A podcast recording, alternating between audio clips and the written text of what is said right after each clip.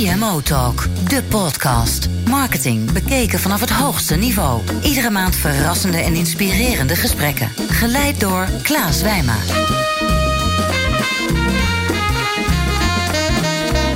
Welkom bij deze speciale editie van CMO Talk. Uh, mijn naam is Klaas Wijma, ik ben uh, jullie host. En naast mij vandaag, omdat het een special is, uh, staat Elsbeth Eilander, chef van Tijdschrift voor Marketing. En wij staan hier op een bijzondere plek, want we staan nu niet in de geluidsstudio Voicebooking in Amsterdam. Uh, maar we staan in de Amsterdam Arena, want vandaag vindt hier het uh, Adobe Symposium plaats. En uh, we hebben een bijzondere gast, de tweede gast van vandaag. Dat is Arthur Simonetti.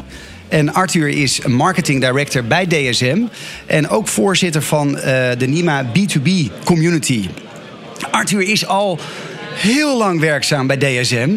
Uh, ik werd zelfs gecorrigeerd, uh, want uh, je bent al vanaf 1982 werkzaam bij DSM. Klopt. En ja. wereldwijd DSM verantwoordelijk en bezig, actief op het gebied van ja, de wetenschappelijke basis op het gebied van gezondheid, voeding en materialen.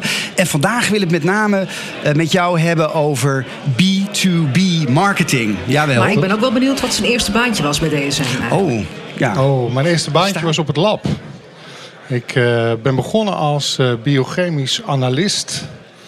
En merkte eigenlijk uh, na een paar jaar dat de carrière mogelijkheden voor een analist een glazen plafond kenden. En toen ben ik op mijn 26e mijn NIMA A, mijn NIMA B, mijn NIMA C, mijn MBA en zo gaan doen. En ja. vrij snel geswitcht naar marketing. En ik heb alle aspecten van marketing wel een beetje doorlopen. Begonnen business intelligence. En vervolgens, uh, uh, zeg maar, tot waar ik nu ben. En, en vertel eens, wat doet een uh, B2B-marketeer bij DSM? Ja, dat hangt er een beetje vanaf waar je zit. Als je op corporate niveau zit, doe je iets anders dan in de businessgroepen. Maar in de businessgroepen, en, en we hebben veel marketeers. Hè, we hebben totaal ongeveer 2000 uh, zeg maar, uh, marketing- en sales professionals. 2000. En ongeveer 25% zitten daarvan in marketing. En uh, in de businessgroepen houden ze zich met name bezig om vanuit echt klanteninzicht te kijken van welke producten en welke diensten kun je nou aanbieden om echt waarde toe te voegen voor die klant. Echt het liefst in de strategische kern van, van je klant. En ook de portfolio management daarop uit te voeren. Dus ze zijn heel erg bezig met het vertalen van klanteninzicht naar proposities. En ik hou me met name bezig op corporate niveau met wat we dan noemen uh, marketing en sales excellence. Ja. En dat is een soort excellence center. En wij brengen best practices binnen van buiten en vanuit het bedrijf en proberen die te verspreiden. Dus we proberen zeg maar, echt marketeers te ontwikkelen tot betere marketeers. En daarnaast uh, bemoeien we ons uh, met uh, de grote groeiopties. Omdat DSM natuurlijk sneller wil groeien dan de markt. -huh. En dat doe je zowel in de businessgroepen als met de support van de corporate marketinggroep. Ja, je hebt het, sorry. Ja, waar, waar, moet ik me dan bij voorstellen? Neem ons mee dan in een, in een gemiddelde dag van jou, Arthur. De, staan dan overal op de wanden de, de grote value, value proposition decks van Alexander Osterwelde om proposities te ontwikkelen? Wat, wat doe je dan? Nou ja, dat, dat, dat, dat varieert een beetje. Dat, dat is ook leuk van mijn vak. Uh, het is heel gevarieerd. Ik bemoei me met alle businessgroepen. Dus dat kan betekenen dat je de ene dag met nutrition bezig bent en de andere dag met uh, Dynema. Um, value proposities is één van de belangrijkste dingen. En uh, daar merk je ook dat daar uh, nog steeds het, de meeste waarde te behalen is. Dus wij gebruiken daar uh, wel modellen voor. Maar over het algemeen. Um, Welke dan? Nou, uh, we gebruiken onder andere Osterwalde, maar dat is meer voor new business modeling. Uh, uh, we gebruiken eigenlijk de Insight Trilogy. En die wordt ook veel gebruikt bij, bij marktonderzoekbureaus. En ik geloof dat deze ooit ontwikkeld is door, ik, ik dacht door TNS, maar dat weet ik niet precies zeker. We gaan het checken. Maar is, ja. er, is er, het gaat natuurlijk om, om de klant en het gaat ja. om value propositions. Maar is er nog wel veel veranderd in het vak de afgelopen jaren? Uh, ja, dat vind ik wel. Uh, als je kijkt, uh, nou, ja, er zijn heel veel grote veranderingen in het vak. Maar de belangrijkste verandering vind ik eigenlijk dat we ons steeds meer zijn gaan realiseren dat we een, een, een voordeel hebben ten opzichte van de B2C-marketeer. Um, wij hebben namelijk diepgaande relaties met klanten. Ik denk dat de belangrijkste verschuiving is, is dat je uh, uh, niet meer alleen maar kijkt naar de naam van het bedrijf van je klant, maar echt daadwerkelijk probeert te, te achterhalen wie zit er nou in die decision making unit en daar relaties mee op te bouwen om echt te bewegen van een transactionele relatie waarbij je alleen maar probeert te verkopen en wat geld te verdienen, naar meer een strategische relatie. En, en ik denk dat die verschuiving, die wordt steeds intenser. En daar helpt digital onder andere mee. Maar die uh, uh, zie je de laatste jaren enorm, uh, enorm verschuiven. Nou, ja, want in hoeverre speelt digital daar dan een rol bij? Ja, heel belangrijk. ik ben het meest geïnspireerd door Steven van Bellegem. die zullen jullie ongetwijfeld kennen. En wat ik het mooi vind aan zijn verhaal is dat hij eigenlijk onderscheid maakt tussen twee componenten. Hij zegt convenience is the new relation, hè, of the new brand. En... Um, hij zegt daarbij eigenlijk van digital moet in feite de klantrelatie zodanig ontzorgen dat alle pijnpunten en alles waar je je aan kunt ergeren, dat dat verdwijnt. Dan komt er ruimte voor de human factor. En dan komt er ruimte om echt uh, te surprisen en echt over te deliveren. En wij zien ook in, in ons vak en in onze relaties dat met name dat aspect van de human interactie, dat die aan het verschuiven is. Die, die, die verschuift veel meer naar de, naar de relatiecomponent. En echt snappen wat de klant nou beweegt. En echt snappen uh, wat onze producten, hoe die bijdragen aan de strategische positionering van de klant. Oké. Okay. Arthur, ehm, in CMO Talk hebben we altijd een aantal stellingen die we ja. de eh, gasten voorleggen. Zo ook de eerste voor jou. Weg met B2B, uh, uh, lang leven P2P. Dan heb ik ja. het over person to person. Ja. Nou, ik, ik weet niet of je weg met B2B zou moeten zeggen. Maar ik, ik, ik kan de stelling alleen maar onderschrijven. Ik denk dat human to human, en wij noemen het dan human to human, dat het steeds belangrijker wordt. En het gaat er echt om dat je snapt wat de beweegredenen zijn van je klant. En wat ik steeds meer zie, is dat we gaan begrijpen dat die klanten bestaan uit mensen. En dat, dat klinkt heel erg ja, als een open deur. Maar als je dat echt daadwerkelijk realiseert en probeert te achterhalen van wat beweegt nou die individuele medewerker van die klant. En je probeert dat uh, te vertalen naar wa wat jij kunt bijdragen. En dan gaat het verder dan je product. Want dan kun je dus ook een individueel persoon uh, ja, laten shinen. Je kunt er dan voor zorgen dat hij of zij succesvol is.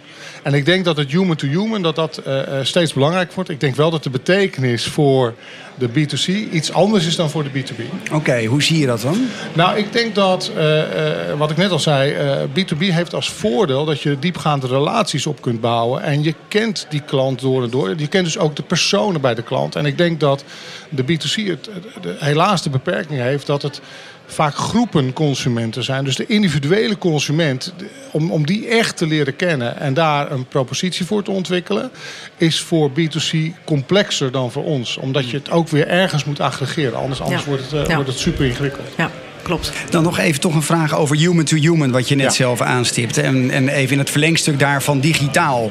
Wordt niet door de enorme nadruk die op dit moment wordt gelegd op digitale transformatie, we moeten met z'n allen volle bak digitaal, wordt het, wordt het niet steeds lastiger om die uh, human to human gedachte vast te houden? Robot to human bedoel je? Ja, ro robot to human of uh, AI to human. Of, uh, hoe zie je dat? Ja, nou, ik, ik, denk dat je onderscheid moet maken tussen waar je echt waarde toevoegt en waar je ontzorgt. Ik denk dat, en dat vind ik het mooie aan het verhaal van Steven, is dat hij echt zegt van nou, probeer nou vast te houden aan, aan of, of te identificeren waar je eigenlijk geen waarde toevoegt, maar waar het gewoon smooth en, en, en gemakkelijk moet lopen. En probeer dat te digitaliseren.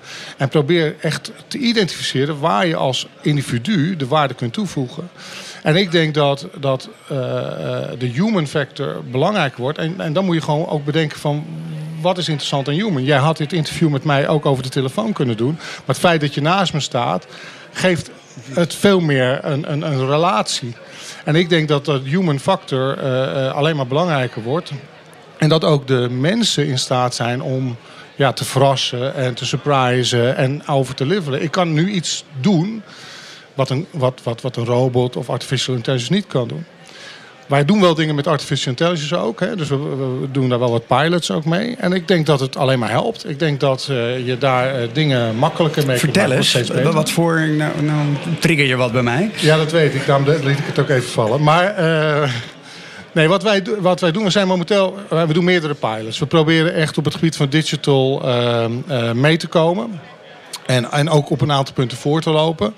Uh, en dat kun je alleen maar doen door pilots te doen. En we zijn nu bezig uh, in onze businessgroep Engineering Plastics met een, um, een platform te ontwikkelen. Waarbij we met alle engineers bij de automotive industrie uh, zeg maar, al vroeg kunnen aanhaken. En het, is, het, is, een vrij complex verhaal, maar eigenlijk de essentie is dat we snappen dat de engineers al in, nu al bezig zijn met de auto die over vijf jaar op de markt komt. Zij moeten al in een vroeg stadium weten wat is er allemaal mogelijk, wat is er technisch mogelijk. Onze materialen voegen daar heel veel waarde aan toe. Maar als we pas over vijf jaar met hun in contact komen, zijn we eigenlijk te laat. Ja. Dus wij proberen nu heel vroeg met hun in contact te komen. Dat gebeurt op een platform uh, waarbij uh, de engineers allerlei vragen kunnen stellen en informatie kunnen vinden. Mm -hmm. En het eerste traject daarin uh, gebeurt met een, een artificial intelligence robot die dus de vragen beantwoordt. En dan uiteindelijk ook zegt van nou, nu, is het, nu kan ik het niet meer. Nu moet je naar human. En nu ga je naar human en dan komt ja. de human om. Ja. Ja. Hoe, is, hoe is digital eigenlijk bij jullie georganiseerd? In het bedrijf? Ja, uh, uh, dat, dat kent twee. Ja, het hangt er vanaf hoe je digital. Als je praat over digital marketing, hè, want digital is natuurlijk breder dan alleen maar het vakgebied marketing. Maar als je praat over digital marketing, dan hebben wij in de businessgroepen. Uh, de marketeers zitten die zich ook bezighouden met die hele klantjourney en, en, en, en alles wat daaraan gerelateerd is. En zij drijven in feite de vraag naar de digital transformatie. Daarnaast uh, hebben wij op corporate niveau een club zitten, uh, geleid door Patrick Atala, uh, mijn collega. En dat is echt een expert op het gebied van digital. En die probeert ook de nieuwe dingen te stimuleren. Hè. Wat ik al zei, onze rol is om best practices van buiten te halen. En om daar ook zeg hij maar is de, de CTO? Te... Nou, nee, wij, wij, hebben die, wij hebben niet de term CTO, maar hij is wel de digital. Ja, hij heeft dezelfde titel als ik, Global Marketing Manager, maar dan digital. En hij uh, beïnvloedt dat. En hij werkte heel nauw samen met uh, de uh, IT-department. Omdat het, het, gaat niet alleen om de tooling. Het is wel belangrijk. Maar het gaat met name om van waar zet je het voor in. En daar speelt hij een hele belangrijke rol in met zijn team. Je noemde best practices. En dan ben ik altijd benieuwd naar succesverhalen. Dan binnen de business to business. Ja. Wat, wat vind je nou op dit moment de beste B2B case uh, nou, ik zou hem tweeledig in Nederland en daarbuiten. Ja, ik vind dat een super ingewikkelde vraag. Omdat um, eigenlijk kan ik hem niet, niet beantwoorden, Klaas. Ik, uh, um, ik heb er ook wel over nagedacht. Van, van, want ja, uh, hè, als, als, als, als B2B community heb je met allerlei B2B bedrijven te maken. Wat mij opgevallen is de laatste drie jaar in, dat, in, dat, in die community... is dat eigenlijk er heel veel mooie voorbeelden zijn... maar van aspecten van B2B.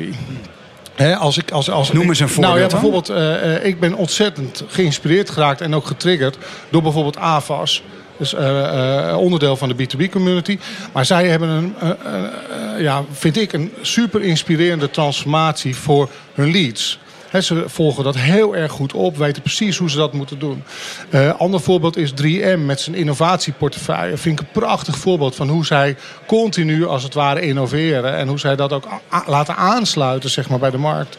Um, ja, ik, IBM en Leaseplan vind ik voorbeelden voor, voor echt account-based marketing. Hoe zorg je nou dat je relaties opbouwt met, uh, met klanten?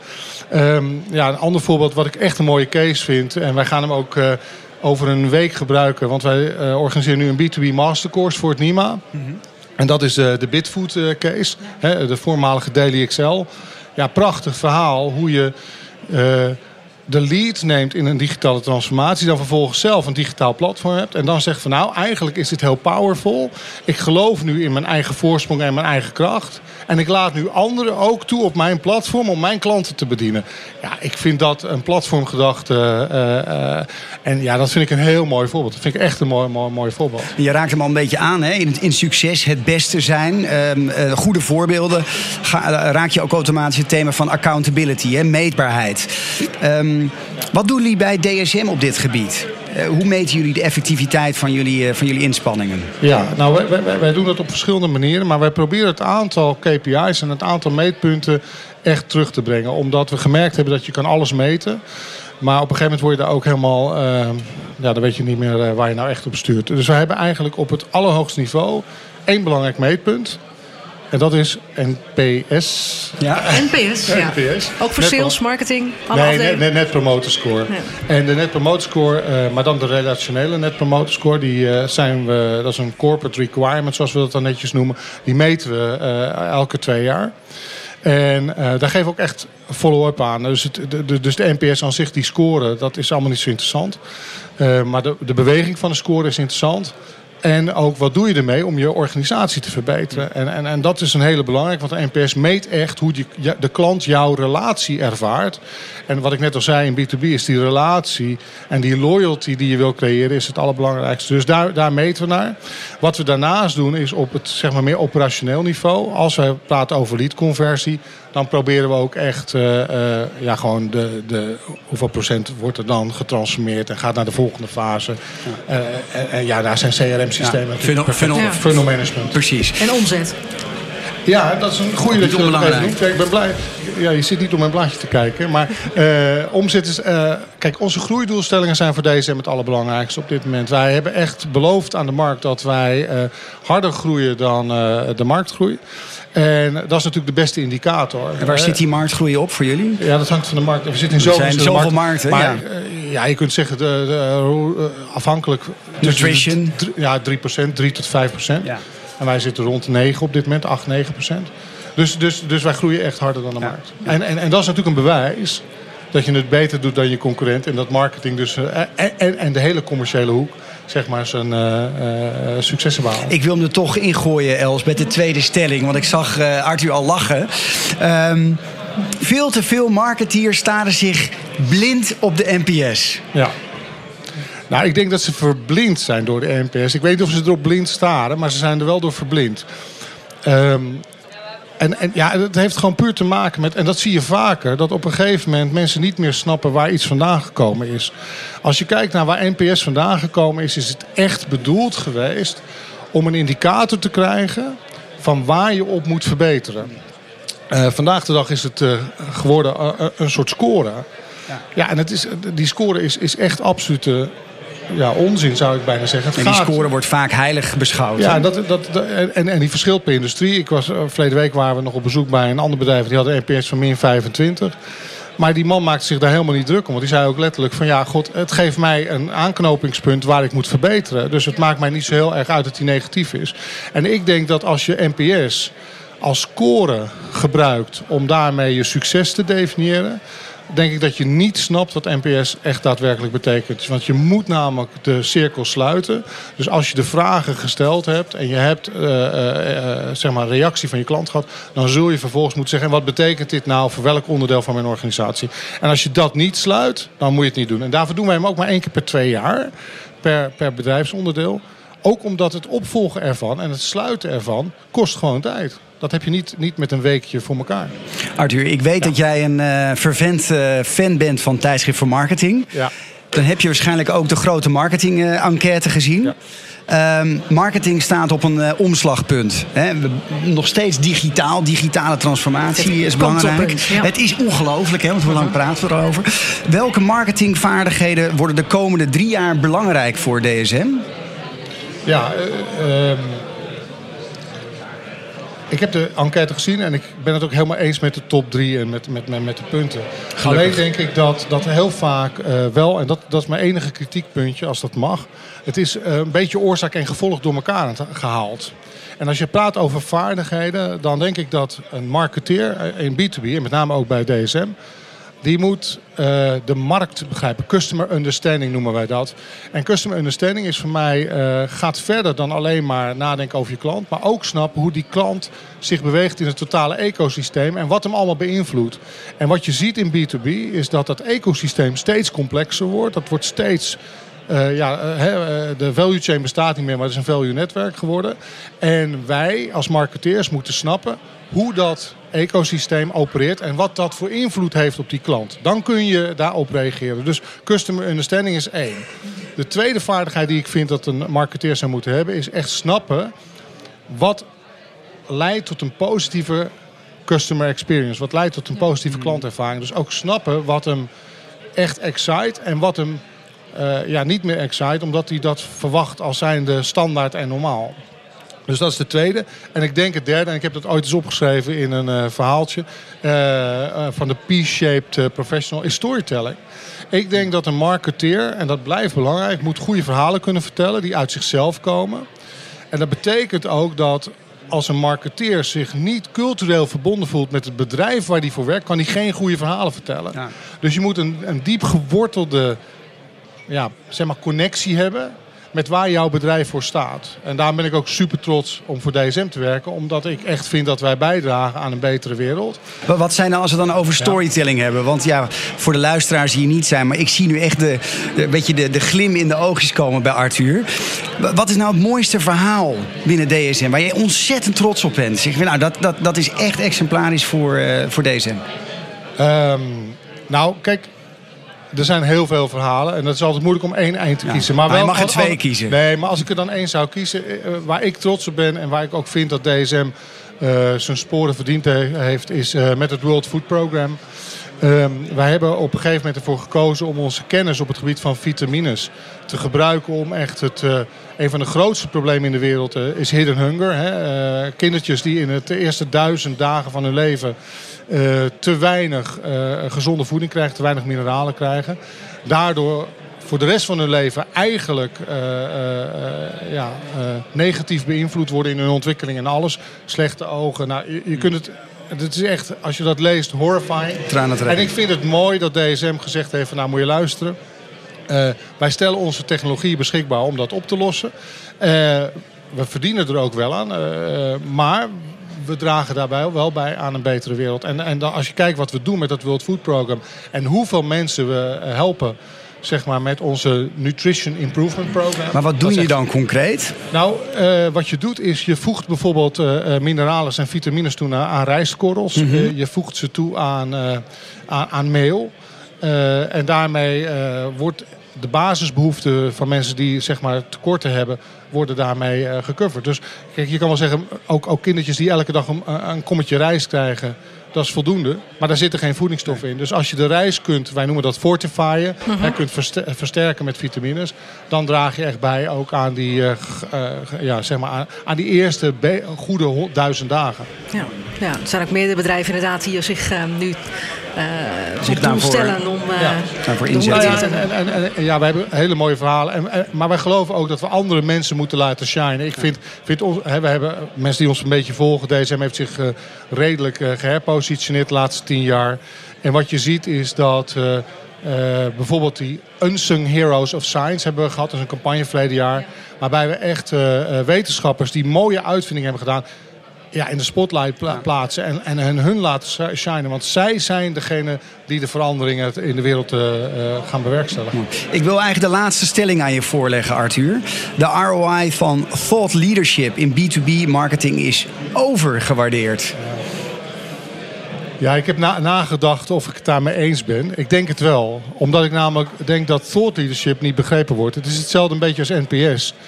Um, kijk, tegenwoordig uh, uh, noemt iedereen zichzelf thought leader. Uh, wij hebben ooit intern een discussie gehad met mijn team. En toen hebben we gezegd van ja, je kunt jezelf niet als thought leader verklaren. Een ander verklaart je pas als thought leader. En voor mij zit het grote verschil in het woord leader. Want een, een, een thought leader moet een transformatie of een beweging leiden. En mensen moeten hem, hem of haar volgen. Nou, en als je uh, uh, thought leadership alleen maar ziet als van ik heb veel kennis, wat, wat, wat, ja. wat 9 van de 10 keer uh, gebruikt wordt. Ja, dat is voor mij geen thought leadership. Thought leadership wil zeggen dat je verantwoordelijkheid neemt, dat je snapt wat jouw rol is in dat grote ecosysteem, om het daar maar weer even over te hebben. En dan ook daarna handelt. En ik denk dat, ja, ik probeer niet DSM te promoten, maar dat is wel, wel waar, waar, waar ik zit. Uh, ik denk dat wij dat doen. Hè? Als je kijkt hoe onze CEO, Fijke Siebersma, zijn rol pakt en zijn verantwoordelijkheid neemt. Ook bijvoorbeeld in dat hele uh, carbon pricing stuk. En, en zo zijn er meer. We zijn recent genoemd als nummer twee op de Fortune uh, list voor, voor, voor mensen die echt de wereld willen veranderen. Ja, dat is voor mij thought leadership. Als je nou hebt buiten, buiten DSM, hè? Ja. je werkt er al heel lang. Ja. Wat zijn dan jouw ja, jouw inspiratiebron, jouw thought leaders waarvan je zegt van hé, hey, daar, daar leer ik heel erg veel van? Um, nou, ik moet je heel eerlijk zeggen, Klaas. Ik, um, ik heb me gerealiseerd, ik ben, ik ben, ben wat ouder natuurlijk, maar uh, ik heb me gerealiseerd dat je continu moet leren. En ook snappen dat uh, de nieuwe generatie het eigenlijk soms beter weet dan wij. Ik heb een heel jong team en die zijn slimmer. Die hebben gewoon de laatste marketingtechniek en dan moet je gewoon heel ja, bescheiden zijn om te denken dat je het weet. Um, dus ik probeer juist van iedereen te leren. En daarom ben ik ook bij dat B2B uh, marketing voor, uh, community gegaan. Omdat ik, wat ik net al zei, van heel veel bedrijven leer. Dus, dus, dus, dus als ik nou zeg van heb ik nou één waarvan ik echt zeg van. Nou, de, de, degene, ik, ik was afgelopen vrijdag bij IKEA. En als ik dan zie hoe zij omgaan met hun verantwoordelijkheid, dan ben ik super geïnspireerd. Dan heb ik allerlei ideeën van wat ik nou kan doen. Maar ik heb dat ook bijvoorbeeld met een IBM die voorloopt op, op hè, met zijn Watson en, en hoe die met data omgaat. Um, uh, ja, ik heb het ook met, met, met goeroes als van Belgium, die ik. Uh, ja, wat, wat, ik echt fantastisch vind, hoe die man zeg maar voor blijft lopen en ons als, als marketeers blijft inspireren. Dus ik heb vele inspiratiebronnen. En dat is ook de reden waarom ik er vandaag ben. Overigens. Leuk. Dankjewel. 2018 staat voor de deur. Ja. Wat, wat is volgens jou de grootste B2B marketingtrend uh, voor het komend jaar?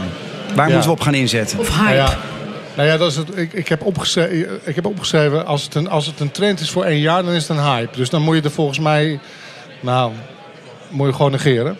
Uh, maar wat ik voor mezelf nu steeds vaker zie, en, en, en ik weet niet of het een trend wordt. Hè, ik kan natuurlijk de klassieke dingen noemen die jullie ook in de, uh, uh, zeg maar de, de, de, de top drie uh, van de marketing-enquête hebben, hebben geïdentificeerd. Maar ik geloof dat het oude Prahalat-denken terug gaat komen. Ik pra geloof, CK Prahalat. Ja, en die heeft ooit een verhaal geschreven over core competences. En ik zie steeds vaker dat bedrijven falen omdat ze te ver weggaan weer van hun core. En ik denk echt dat in B2B het, het core competence denken terug gaat komen. En ik denk back to dat, basics.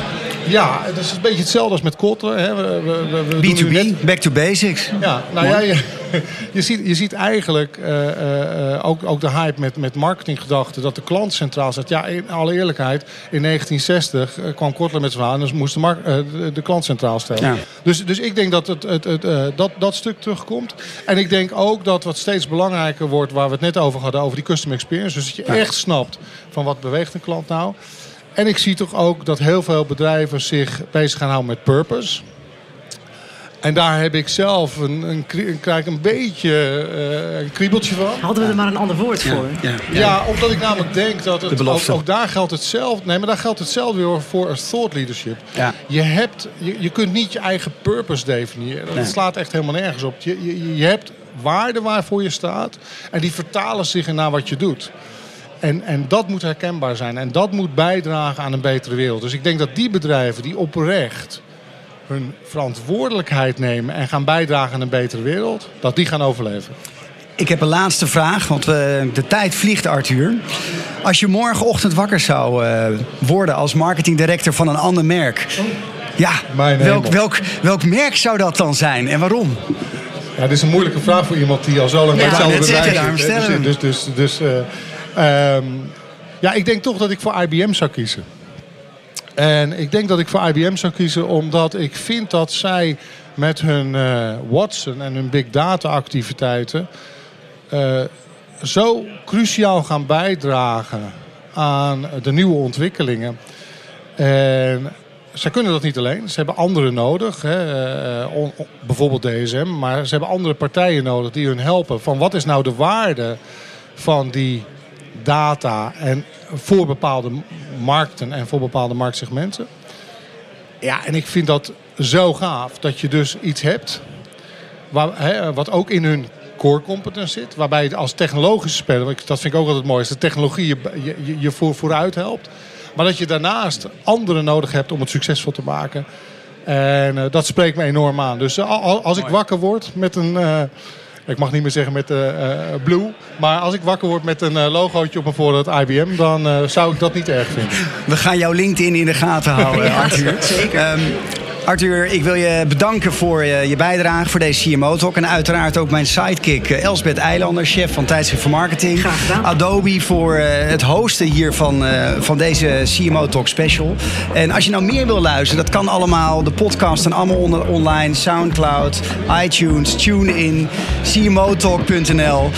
dus ik zou zeggen, voor meer inspiratie, kijk daar even. En tot de volgende podcast. Dank voor het luisteren naar de CMO Talk podcast. Ga voor meer afleveringen naar cmotalk.nl. CMO Talk wordt aangeboden door Tijdschrift voor Marketing en Adobe en is ontwikkeld door Energize en voicebooking.com.